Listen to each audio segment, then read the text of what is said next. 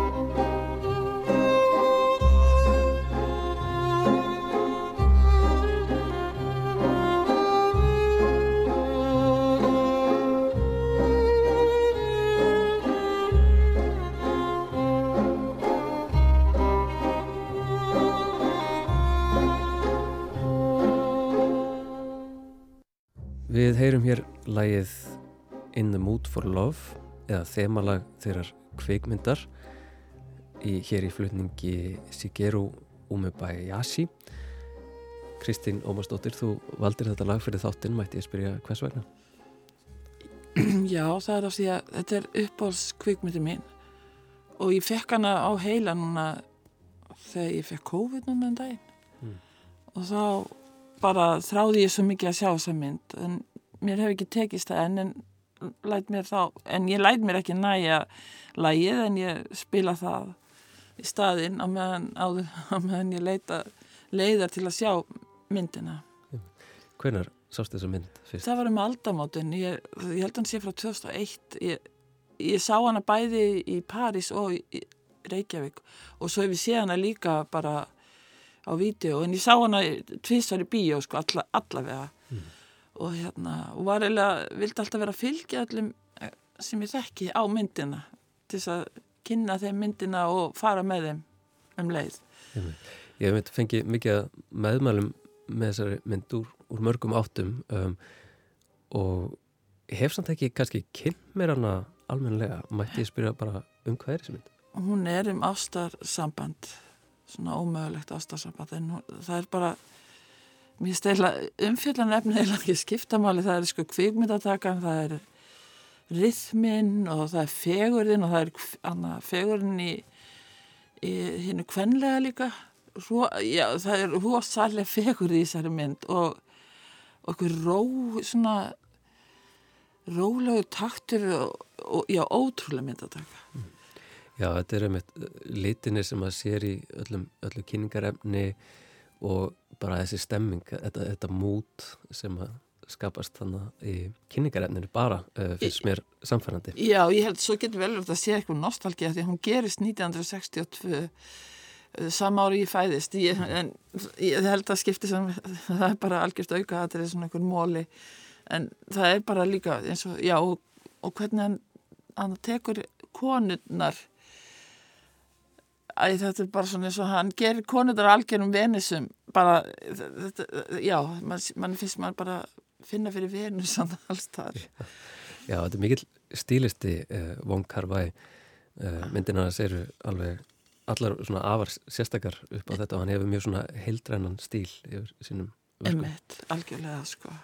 En, uh, en þessi tónlist er líka alveg frábær og hún sker sig einhvern veginn úr, maður, maður tengir þetta strax við þessa kvikmynd og þetta er svona minnum við kannski á Twin Peaks eða, eða David Lynch hvernig hans tónlist einhvern veginn festist alveg við Já, daldir, já, algjörlega. Um, og þú hefur að hlusta á þessa tónlist einmitt líka bara uh, já, ekki sér, að horfa á myndina. já, já, og líka það er hérna það er fyllt af, soundtrackið í myndin er æðislegt. Mm. þegar maður hlustar á það til dæmis á YouTube, það er æðislegt.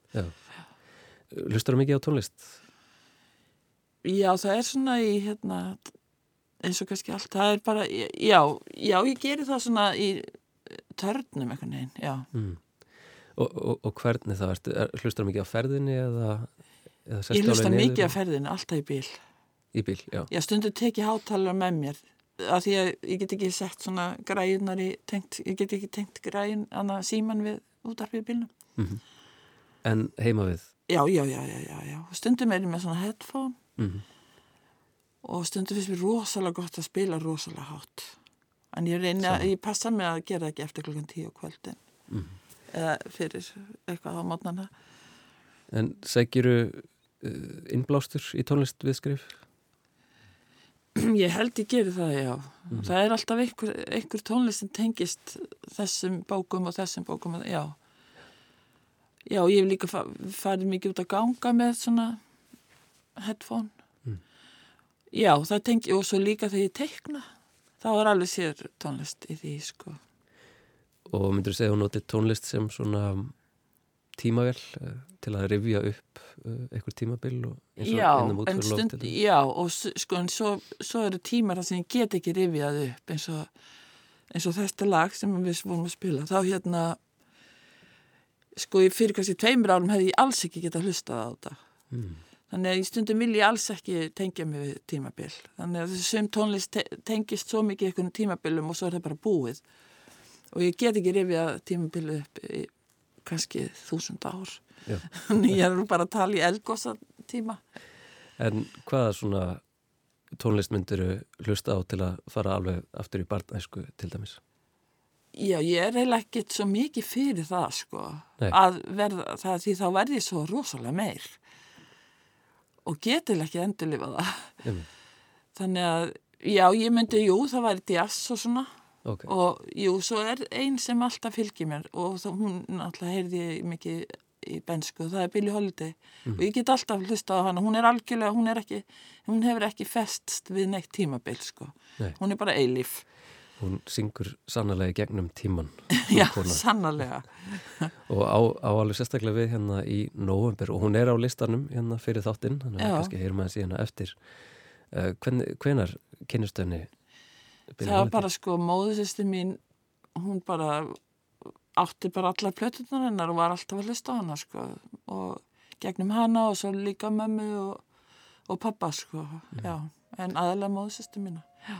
Hva, og hvað heyrir þau þegar að mér lefur þess að allir heyri mismunandi hluti frá Billie Holiday Hva, hvað er hún fyrir þér? hvað er hún? Solitude in my solitude. You haunt me.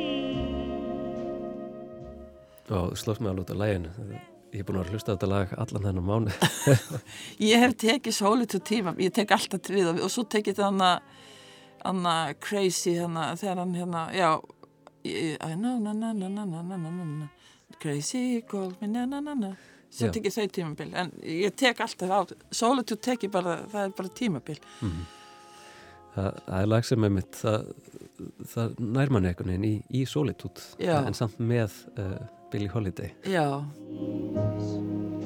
That never die. og um, en já, ef við kannski byrjum á svona svipmyndinni um, og förum bara aftur í, í eh, barnæsku. Myndir Já. við segja að það hefur átt góða barnæsku? Ég myndi segja það já. Mm svona ég bjó við öryggi. Já, ertu, ertu úr Reykjavík?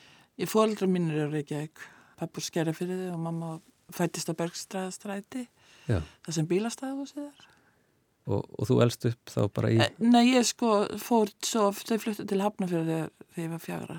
Fyrst var ég í Danmarku og svo, já, svo í Bógarliðinni, svo í Hafnafjörði, upp á Holti. var mikið flakk þá Ekki eftir að ég var fjagrara, sko, en ég var flak, flakkað þangað til. og áttu mikið af bræðrum og sískinum Ég á tvær sýstur og eitt bróður. mm. og hvernig var svona hverstaðurinn á heimilinu? Það, sko, það var alltaf matur á slæginu sjö á kvöldin. Og svo þegar fréttunar færðist til sex, þá færðu þau matinn. Slæginu sex. Aldrei fimm myndur yfir, aldrei fimm myndur í. Þetta var mamma mín. og var það að hlusta á fréttinar á meðan? Já, alltaf. Mhm. Og það var bara aldrei, þá kannski kom fyrir e- eitthvað tíman að þau komið sent heim og þá var bara borða snarl eða eitthvað svona. Það, já, og þá var líka gaman. Það, veist, það var út af einhverju skemmtilegu sem hafi gerst. En þeim voru líka, þeir, þetta var ekki neitt svona rosalega, en það var bara þetta. Það, ég, ég hugsa svo oft um þetta, sko. Því líka skipilhagning og skipilhagsgáfa. að því svo, svo gáttu þið gert í, óvanda hluti sko, allt henni bara, já nú skulum við fara til útlanda svo fóruð þið til útlanda og tóku okkur með fjórundum síðar mér finnst þetta rosalega góð blanda vera svona rosalega reglusamur og rosalega líka geta gert eitthvað rosalega óvænt Akkurat. Og fegstu mikið svona frelsi sem barn til að svona væplast? já ég bjóð þannig á svona þannig staða sem mikið verið hægt að fara út eða þú veist, móar og og dánir bátar í fjörunni og hægt að skauta skauta svellrétti á mikil náttúra og raun og alls konar svona. Já, móin er kannski svolítið að, að deyja út hérna á höfuborgarsvæðinu. Já, hvernig, já, Hvað hva gerður í móanum? Bara hljópum og svo vorum við alltaf að leika eitthvað, þú veist. Við vorum ekkert með einhvern svona búleiki eða eitthvað svolítið. við vorum nú rosalega, ég líka rosalega mikið á hjóli. Og svo bara, það var, ég var bara alltaf laupandi held ég sem barn. Eða á hjólinu og ég, já, þannig að hérna, já. Stultum líka, Og stultum, já, ég, lærður á stultur? Ég við áttum stultur, amma okkur stultur, það var rosa gaman Ekki kannski svona þægilegsti eða hraðasti ferðamáttin Nei, skemmtilegt og svo brenn og alls konar þetta alltaf ykkur í leikir með krökkum og, og, í hvaða skóla gengur þessi Öldutún skóla og hvernig, hvernig fannst þið skólagang? Sko fyrst fannst mér bara ömulegt að ég saknaði svo að vera heima. Ég var með heim þar á alla dagana, fyrstu árin. Svo rættist það eitthvað sem vandist ég þessu einhvern veginn. Það tók einhvern nokkur ár og ég dyrkaði kennara minn. Mm. Ég elskaði hann út af lífinu. Og er það í, í skóla sem að þú byrjar að skrifa? Já, bara svona heimasamt held ég, já, heima. Mm. Klóstrun heima, þjók. Er, það, er það þar sem skálskapurinn byrjar? Já, svo fallega flýsar. Skrifaður mikið af, af sögum svona snemma á lífsleginni þá Nei, var lítið svona ljóð og sögur, já. Og um hvað varstu það að skrifa? Ég var að skrifa um vorið Píano eða eitthvað Ég man ekki hvað, já það var bara mýmislegt Ég líka, ég man alltaf, ég var alltaf bara Hver er ég? Er ég þú? Er ég hún? Er ég hann? Ég var alltaf svolega mikið að pæli sem fornöfnum ég skildi þau ekki Er ég við? Er ég þið? Eitthvað, ég bara, já ég var, Þetta var mjög, mjög mikið að ljóða með fornöfn Ok, og, um, og síðan, uh, hvernig síðan þróast uh, skálskapurinn yfir í að taka meira pláss í lífinu? Ég það er bara svona þegar ég er í Flensborg sko. þá fyrir mér að þykja það svo skemmtilegt Er það þá ljóðið sem að, Já, það var ljóðið já. þá. Og Svo líka en sög, já, sögur, já. mm, Já, þau, já, þau gerir kvikmyndaðni sem ég skrifaði. kvikmynd í, í skólanum? Já, þau gerir kvikmynd, ég man ekki einu sinni, hann hétt Ísmael, personan hétt Ísmael, nafn sem ég tók upp biblíunni. Ég, og hann var hlaupastrákur, alltaf að hlaupa. Og pappa selt hann á bílnum. Og er það þá þín fyrsta, þitt fyrsta útgetna verk svona? Þetta var í skólablæðin, ég byrtaði í skólablæðin. Ég man ekki hvað það hann heitir. En ég man hann hétt Ísmael, sem Helgi lék. Svo, hann með rautt hár, rosa sætur. Og síðan er það ekki frekar stuttu eftir mentaskólan sem að þín fyrsta ljóðabók kemur út? Já, ég byrjaði þarna með leikriti, sko. Já. Já, það var, það var fyrsta útgáfan einmitt. Já. Hve- Hvernig, hvernig er svona aðdragandan að, að leikritinu sem kemur út þannig eftir? Hvernig var þetta? Ég, já, ég var rosalega bara ástfangin af leikursi, sko, sem unglingur. Og ung mannskja. Þannig að ég heitlaðist rosalega að leikursinu, sko. Og þess vegna fór ég að skrifa leikrit líka. Og ljóð. En, með, en ég sem sagt, fyrsta verkið er, er leikrit. Og svo ljóðabók bara sama ár. Og hvað hva var það við, við leikúsið þegar þú kemur orðum að því sem svona heilaði? Ég veit ekki, tó, ég var bara mesmeræst þegar ég fór í leikús. Ég bara, og ég fór að fara einu og svona í leikús. Og svona líka bíói, sko. En leikúsi var alveg, ég, þetta voru Lars von Trier og anna, verk eftir hann og Sam Shepard og eitthvað svona. Jú, og svo fór ég að lesa allt þetta og Tennessee Williams, rosa hrifin af honum og, og bara eiginlega öllu. Og allar þessar sýningar sem ég reyfst af, það voru þannig yðin og hjá við tjörnina. Þa, sem ég byrjaði að hrífast af. En ég var líka í mann sko þegar ég var barn ég fór í sirkus ég var bara algjörlega heit, ég var bara, já krakkarnir gerir grína mér sko já, líka þegar ég fór í leikur sem krakki, ég man bara man mjög vel eftir því, já það var kunni svona bara tekin Já, þetta áleiðandi upplifun alveg. já, En, uh, en, en hvernig er það síðan að, að, að fá svona leikrit í gegn og, og, og sjá það síðan uh, leikrit það var eftir sjónvarpið? rosalega skrítið í raun Já, og ég, því ég kunni ekki þetta á þennan stó, ég kunni bara þennan heiminin í elspiti stoknum sko. Svo var þetta komið, það var rosalega skrítið, ég náði ekki alveg sambandi við það sko, nei, og, eða náði ekki sambandi við það en hvað hétt leikritið aftur? Fyrsta? Draumar á kvolfi hétt þetta fyrsta. Draumar á kólfi, já. Og, og fjallar um, ég man að sko, ég skri, að, ætlaði að skrifa leikrit um kulda fólk sem getur ekki elska svo hef ég nú bara þurft að sjá aðeins út af þessu reytingi þannig kíkja á þetta og þetta er rosalega, hann er rosalega mikil karlrempi svín hann einu pe- ein af þrejum personum hann alveg rosalega ég bara já það, þetta er bara ég sé að þetta svona hef ég litið á á kallmenn eða svona hefur verið sín mín á þá so far 20 og eitthvað ára.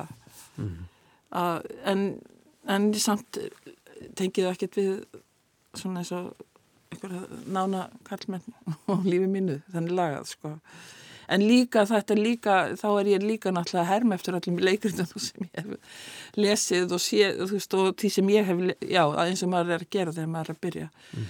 Þannig að maður er eitthvað neina, hana, með allt sem hefur, maður hefur lesið og maður er að reakta líka á það, sko. Og fer inn í, mát, eh, fer, í, fer í ykkurar búninga þaðan og skrifar út úr þeim ég, já. Finnst þér erfitt að lesa texta Já, mjög, mjög, bara mjög erfitt, já. Vil bara helst ekki gera það. Og, og serðu þessi áhrif sem þú talar um í textanum? Já, Þú ég get, já, ég gera Þú það. getur alveg rakið hvaðan eitthvað kemur og, og fer og Næstum því, sko, en ég, já, svo er þetta, já, næstum því, segi. á það sama við um ljóðin að því að einmitt að þetta sama ár kemur fyrsta ljóðabókin Já, sko, þar er ég líka hana undir rosalegum áhf- áhrifin frá Jóhanni Sigurjónssoni, sem ég dyrkaði. Og svo dyrkaði ég alveg fullt af öðrum, sko, líka, en ég bara, já, Hva, hvað var það sem hann hafði sem að bara eitt sitt ég yfir drikkið aftaninn vetra langan ég, ég bara, já, og sofði unga ástímin og þetta. Ég, já, ég veit ekki, sko. Ég veit ekki alveg bara einhver fegur, sko.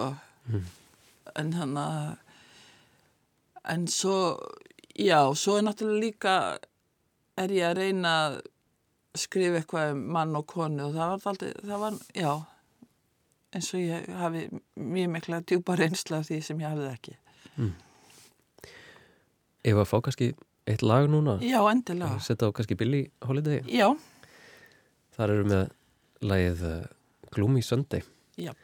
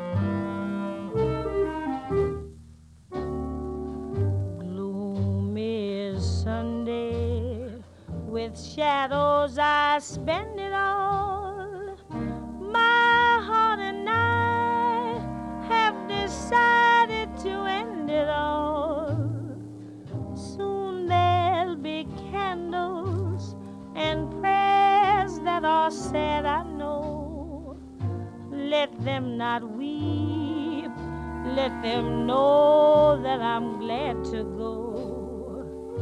Death is no dream, for in death I'm caressing you with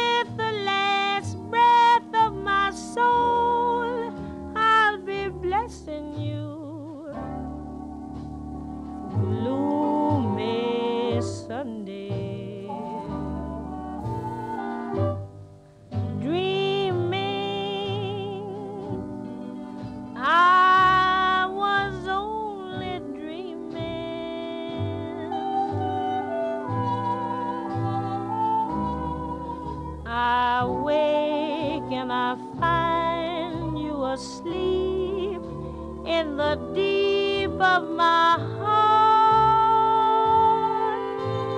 Dear, darling, I hope that my dream never haunted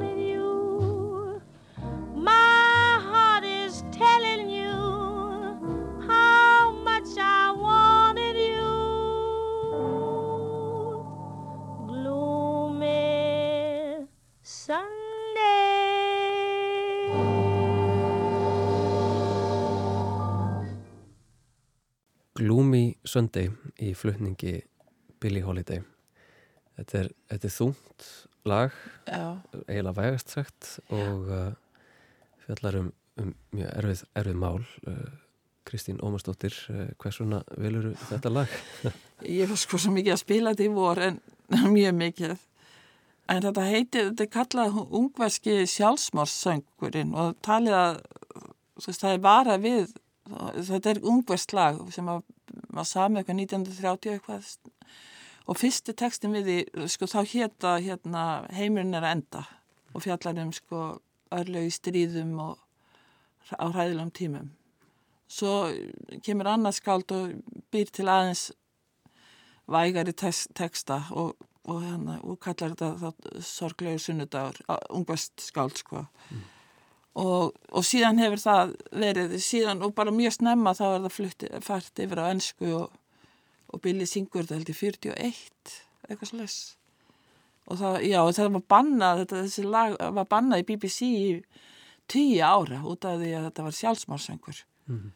ég áttaði mér nú ekki á því þegar það baðs mér um að velja þessi lög en þá kom þetta strax á eftir hana læginu hans hana úr bíómyndinni af því ég bara þetta hef tengst þessi lægi svolítið mikið þessu ári en mér finnst, já fyrir tíman okkar þá á það kannski ekkert er það ekkert svo fjari og líka, já, því þetta er já, Þetta er, já, það eru umbróta tímar, eiginlega vægast sagt og það er kannski fyrst við erum með lægið þinn á fónunum uh, fæ kannski að spyrja þig uh, ertu, ertu svart sín á, á mál veraldar? Ég veit það ekki. Já, ég held ég hljóta að vera það. Já, Mm. það, er, það er kannski, já það er november og það er margt að gerast og já. kannski erfitt að vera ekki svart sín nefnt. ég, ég held nú að ég, ég veit ekki það ætti að vera búið að bjarga málunum fyrir að- veist, ætti ekki, þetta ætti ekki að gerast. Nei. það sem er að gerast á gasa það á, á ekki að gerast og ég bara skil ekki hvernig þetta getur gerst og hvernig það fær að gerast.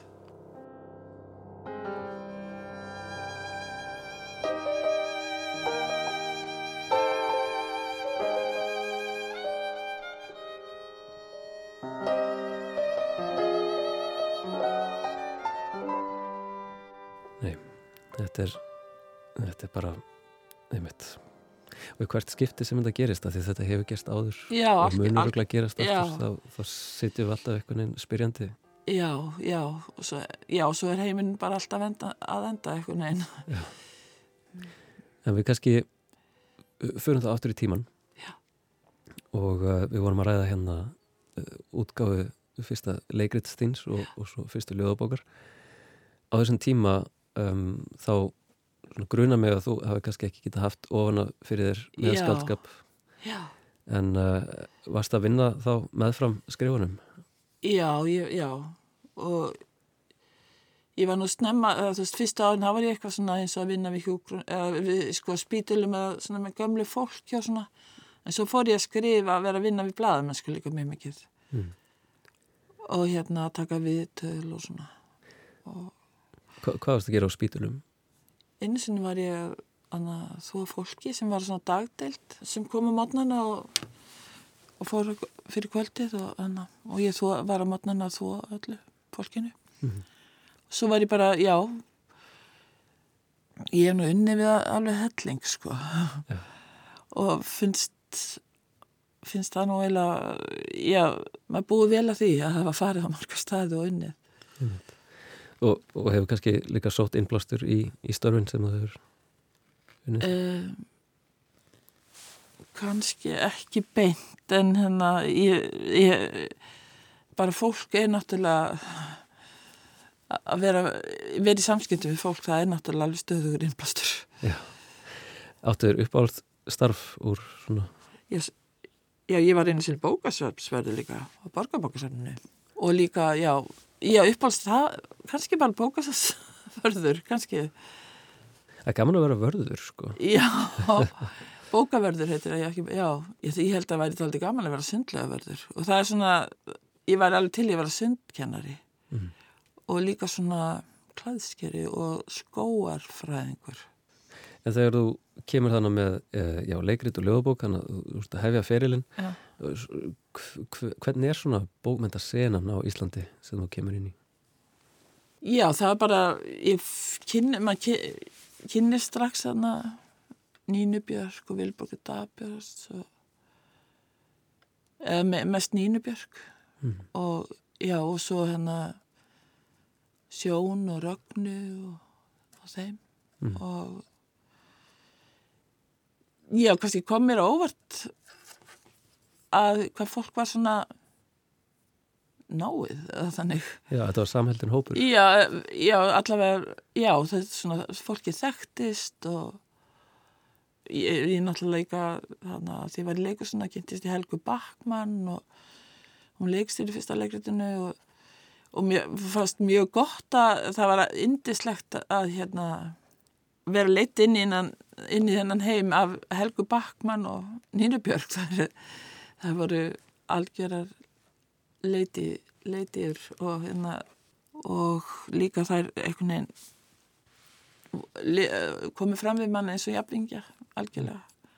Og mér fannst þetta eitthvað rosa skemmtileg reykvík stemning í kringum þær. Og fannst þetta einmitt svona opið samfélag til að fara inn í? Já, mér fannst það sko. Mhm. algjörlega. Það var það sko og ég held að sé það ennþá kannski en það er líka, já, eins og að ég þekki eitthvað sem að var hann í New York að- in the 70s að fóta sér þar sem hafði þá eiginlega sömu sög að segja. Það var mjög opið og það voru, þú veist, en það var líka að hérna, þar var ekkert kynnslóðabil, það voru bara ungir alveg upp í nýræðið og partíin, það voru öll skaldin voru bara saman í partíum.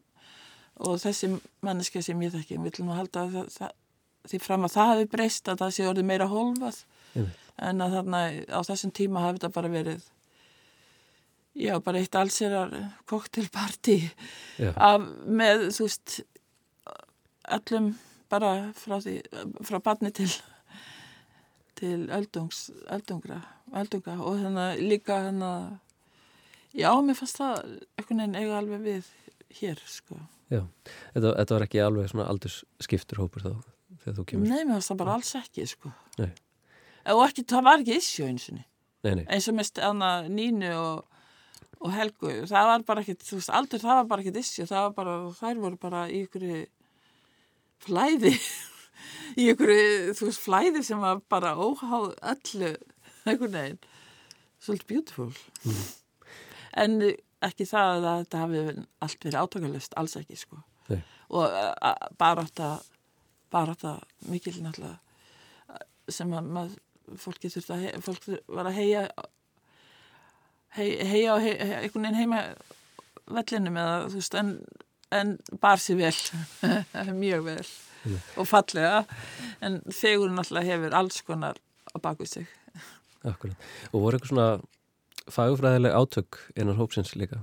Ég var náttúrulega þegar ég var, þú veist, ég kem inn í þetta ég bara, þegar ég er að byrja að skrifa þá finnst mér raunsæði alveg út í hött sko. ég bara, nei takk, ekkert. Og þetta félagslega raunsæði og það ég bara, ég og ég var mjög þú veist, fordama full og af því ég sá bara engan mun á draum og veruleika þannig, og, en sá svo að ég var stödd í einhverjum draumi einhvers Davíð Oddssonar eða eitthvað, ég nefndi alls ekki að vera í honum og fannst ekki þurfa að vera í honum. En, en kannski, einmitt, bókmyndahefðin á þessum tíma kvílir alveg á svol- svolítið sterkum raunsæðis grunni náttúrulega.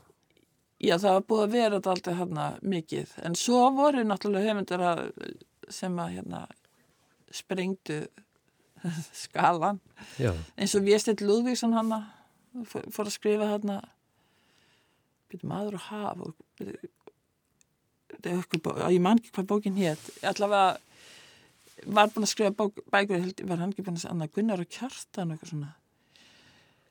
Jú, og, e, jú, ég las nú þær og já, og fer svo að skrifa svona buddískar bækur eða ég veit ekki hvað, hvort að buddískar það orðið eigi við en það sem að það sem að bara líka við að gangi á loftinu eða þú veist fari af götunni upp í loftið eða eitthvað neinn og þegar ég er að koma inn þá er náttúrulega líka þetta líðundi lók sko. Ég misti algjörlega svona listaskaldin vond og það. En þannig að ég er náttúrulega líka sem unlingur það var svona bæði punk og disco. Já, já, já. Það og það svona- þetta að vera annarkvort en ég var feillæðist að báðum sko. Þannig að já, þannig að það var allir svona krafum að vera bara annarkvort Einmitt. og líka um það, ég mana líka í háskólan það, það var rosalega eitthvað um að vera hægri sinnaðar og vinstri sinnaðar og það, þú sem átti ekki að lesa hægri sinni skáld og svona, en þetta, þetta var alveg að þegar ég kem þá er þetta að fara hérna þá er þetta að riðlast sko Mhm. Og, eh, og hvernig er síðan áframhaldið eftir þessar tvær bækur og þú ert svona aðeins að komast inn í, inn í senuna uh, hvernig svona heldur ferillin síðan áfram Já, ég bara held áfram að skrifa sem aður þakkar, sko. Og líka fátak skuldug og en einhvern veginn kærlegs líka. Já. Sem að ég, þurfti bara að vera til þess að gefa mig tíma til að skrifa. og kannski ritt ferlið á þessum tíma kátist, varst að nýta hverja lausa stund til að skrifa Ég held að ég bara verið verið freka mikið að skrifa. Ég var bara mjög mikið að skrifa og svo tók ég bara þurfti ég líka að lifa því ég var 20 eitthvað ára og það er, það er ógislega gaman að vera til. Mhm. Og mér fannst bæði rosalega gaman en mér er skeinlega skemmtilega samt að skrifa. En, hérna, en ég let mér ekki vanta á lífsvettvangnum heldur. og kemur síðan einhvern veginn augnablík eða tímabil þar sem þú ferð að átta, átta þig á því að, að já, þú getur verið starfandi rithöfundur? Já, ég sko hef aldrei hugsað langt fram í tíman og þá hérna hef aldrei hugsað gert það sko, að- gert plön fyrir næstu mánuði eða þannig lítið sem ekkert. Og þannig að ég leti einhvern veginn hverjum degi næja sína þjáningu sem hendaði bara sem ég gati, öðru, öðru gati ég ekki haft þetta heldur nema að, fórna þessu sko og fara að gera eitthvað annað sem ég vildi ekki gera. Og ég fór heldur ekki í eitthvað svona ég var ekki í þessu ég stóð með ekki stikkinu að, að hérna, sem sem, sem meðlumir í fjölskyldu sko, að búa til eitthvað svo leis búa til eitthvað þannig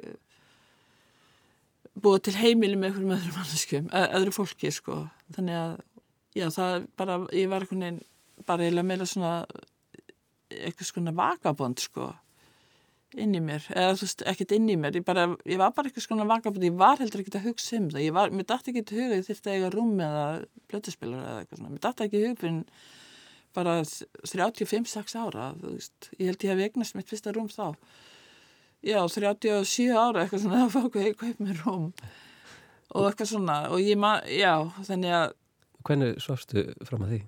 ég bara leigði eitthvað, ég man einu sinni fóru ég og vinkonu mín bara upp á loft til að finna tínu hjá henni einu sinni fyrir eina íbúð sem ég var að flytja í. Nú en síðan er ég búin að kaupa mér mörgur rúm já. Alltaf að skipta um rúm.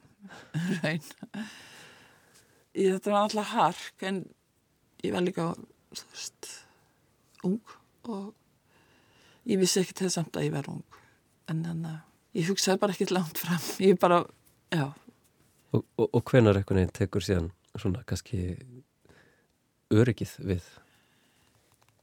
Ég það er svona um aldamátin sem verður svona, já, um aldamáti verður svona breytingar í mínum högum og ég, já, og ég kemst inn í ákveðu öryggi sem ég hef, já, sem hefur haldist, sko, vonandi helst þetta ekki, já þá er ég eitthvað svona 38 að verða færtug og, fer, já, og, þá, og þá fer ég líka þá kynnist ég enna mannesku Sveinbergu og, og við búum saman eitthvað 13 ára og svona. Þannig að það kemur svona stabilitet já, en það var líka já, það er það, það sem manneski, fólk þarf.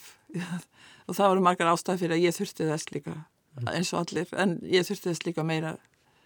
Gat, þetta var ekki hægt að lifa svona enda laust Í nútímanum uh, myndur þú segja lifa mjög regluföstu lífi? Ég er rosalega, ég var ekki svona sko, ég, þegar ég mellir tvítus og eitthvað. Og sem batt þá fannst mér sér reglu sem er aðeins og mikið þannig heima.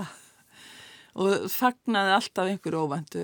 Og svo fekk ég að lifa þetta í hinnu óvænta mjög mikið.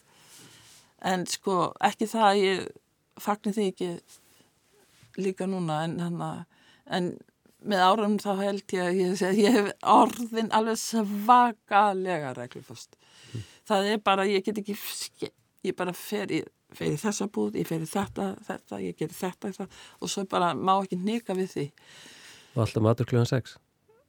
Nei, ég, það er óaðlega misjátt En, en getur þú fórnað reglunni með stutnum fyrirvara og, og gert eitthvað? Já, ég get það sko, mm -hmm. ég held það.